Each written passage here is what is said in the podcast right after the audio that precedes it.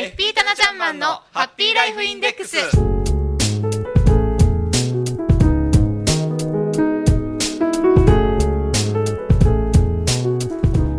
タナちゃんマンのハッピーライフインデックス。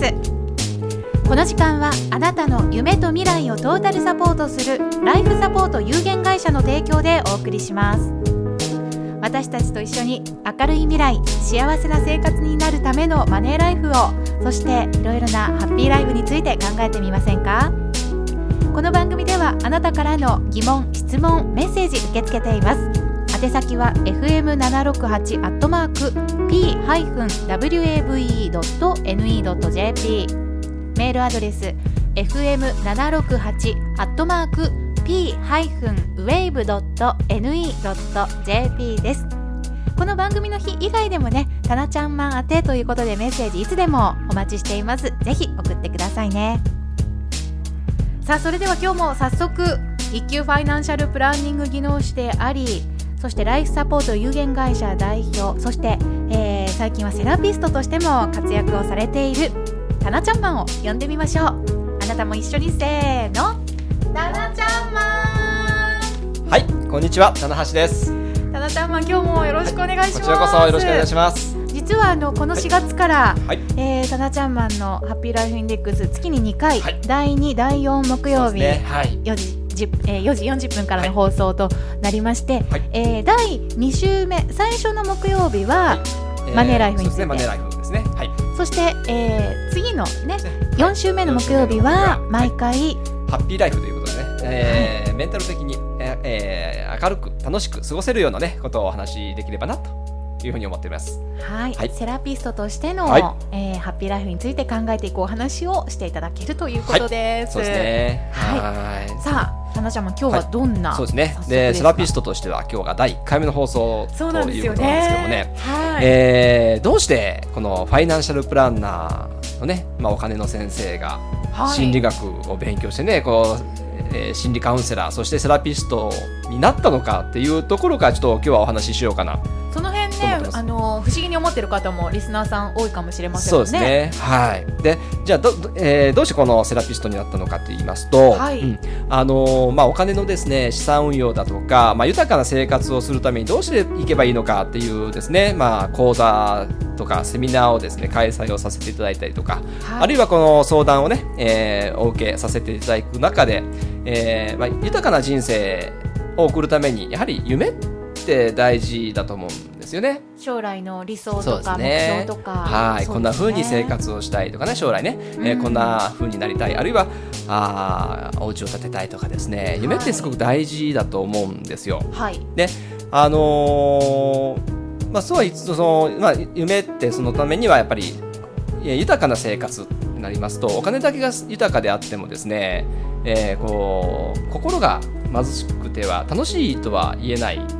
と思うんですね。うん、でそのお金がたくさんあっても心が貧しいっていうとちょっとねこの貧しいという言い方がちょっと語弊があるかも分かりませんけれども、えー、心が貧しいと楽しい生活って送れないじゃないですか、はい、そのライフプランニングをしていく中で一生涯楽しく過ごしましょうよでそのために夢を持ちましょうよっていうお話をさせていただいたんですね。はい、でところがですね、えー、お金がある人、あるいはその、まあ、資産運用でですね、投機的な運用ですね、投機運用をしていらっしゃる方の相談がちょっとこう多くなってきた時期にですね、はい、ふと思ったのが、その資産運用をうまくやっていらっしゃる方、まあ、よくその株の取引でデイトレードとかですね、うん、流行った時期があった、はい、ありましたね。で、その後 FX とかですね、流行った時期、そういうので、えー、資産運用をやっていらっしゃる方を見ていると、どうもお金はたくさん持ってるんだけれども、将来どうしたい？それをお金を使ってどうなりたいっていう夢がどうもないんですよ。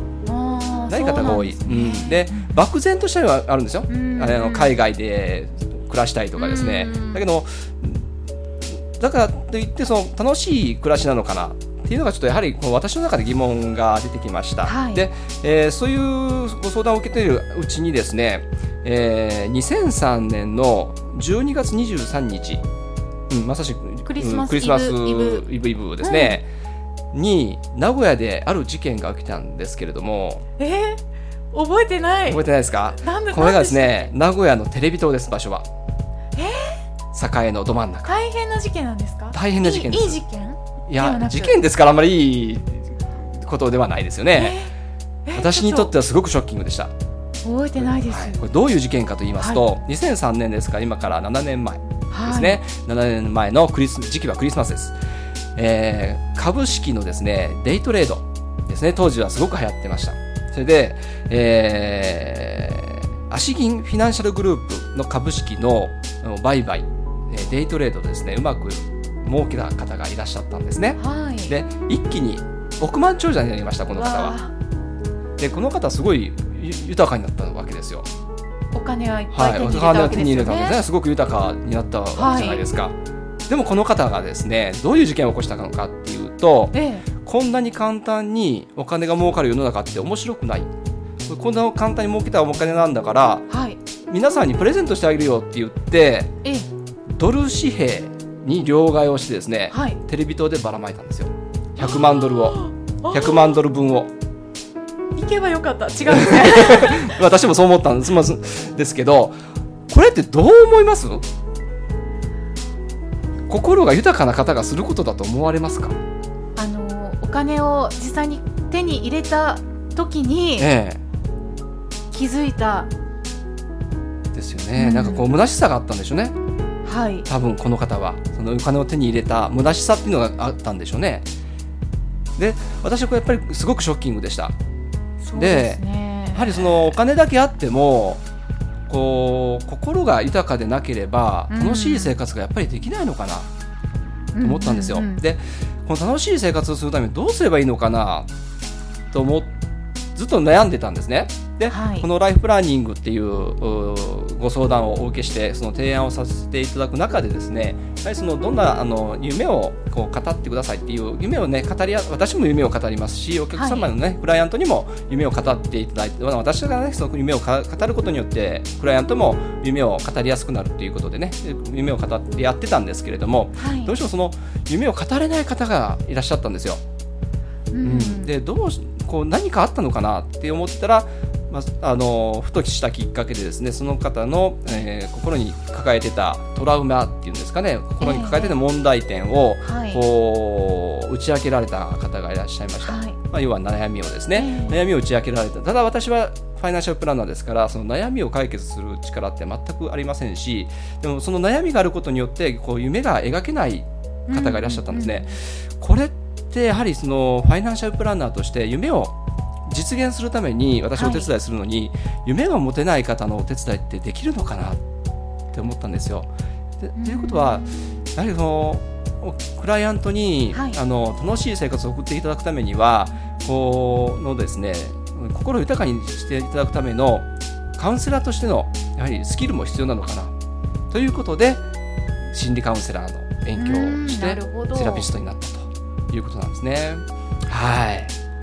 タナちゃんマンからね、はい、あのざっくりとそのいきさつ、はい、心理あの心理学を勉強したり、はい、セラピストとしてのっていうお話聞いてましたけど、えー、すごく今日具体的に、具体例もね聞かせていただいて、あより納得できました、あ。ありがとうございます。はい。な形でですねあのセラピストになりましたので、はい、えー、今日は時間がねもうなくなってきてしまいましたので、えー、来月からですね、はい、えー、この楽しく過ごしていくためのコツっていうのをね、はい、あのお話しできればなというふうに思っておりますので、どうぞあの楽しみにしていてください。楽しみです。はい。はい。たなちゃんはのね、本当にあのいろいろな視点からのアドバイスというのを、はいマネーライフそして4週目はセラピスト、はい、えー、心理的な部分から、そうですね、はい、総合的に楽しい、そうですね。豊かな。ハッピーなライフを、はい、過ごしていただくためにハッピーライフということでねお伝えしていきたいと思います。はい。今日はまずはあのセラピストとしての、ハッピーライフインデックス第1回目ということで、はい、たなちゃんまん自身のお話、ね。はい、えー、なぜセラピストになったのかをお話しいただきました。はいえー、今日はね夢というテーマでも、はい、お届けしてるんですけれども、ねね、ちょっとたなちゃんまん詳しそうですね。そうですね。心理学でもですね実は夢分析ってあるんですよね。えー、でリスナーの方からいただいたメッセージ、はい、コナンさんですかね。はい、はい、あのいただいてましたけど、そうなんですよ。ユングっていう博士ですねがあの夢分析を解いております。で、今もスイスにですねユング研究所っていうのがあるんですけれども、そこでは夢分析のですね、はい、あの被験者としてえー、まず入門していくというのもありますしね、えー、はい、だから夢日記っていうのをねつけることによって自分の精神状態であったり将来自分がどうなっていくことを望んでいるのかっていうのがあ見えてくるかもしれませんのでね。自己分析の、はい、その方法の一つとして、ね、はい、なるほど、はい、じゃあ起きてすぐに夢をつけるっていう、ねまあ、夢を見られたら、うん、ぜひね夢日記というのをねつけていただければね思います。なるほど、はい、ちょっと試してみようと思います。はい、はいハッピーライフインデックス今日もありがとうございました、はい、次回からもよろしくお願いします、はい、こちらこそお願いいたします。さあライフサポート有限会社のホームページもぜひご覧くださいね。過去の放送分お聞きいただけます。内容を復習したいという方は要チェックです。ライフサポート有限会社のホームページは検索エンジンでタナちゃんマンと入れて検索してください、えー、タナちゃんマンのちゃんだけがひらがなで OK です。えー、次回も、えー、5月の第1、えー、失礼第2木曜日ですね。ゴールデンウィーク明けた後ですね、ね、はい、はい、えー、次回はマネーライフについてのお話をお願いします、はい、FP タナちゃんマンのハッピーライフインデックス。この時間はあなたの夢と未来をトータルサポートするライフサポート有限会社の提供でお送りしました。それではまた次回お会いしましょう。ありがとうございました。バイバイ。失礼します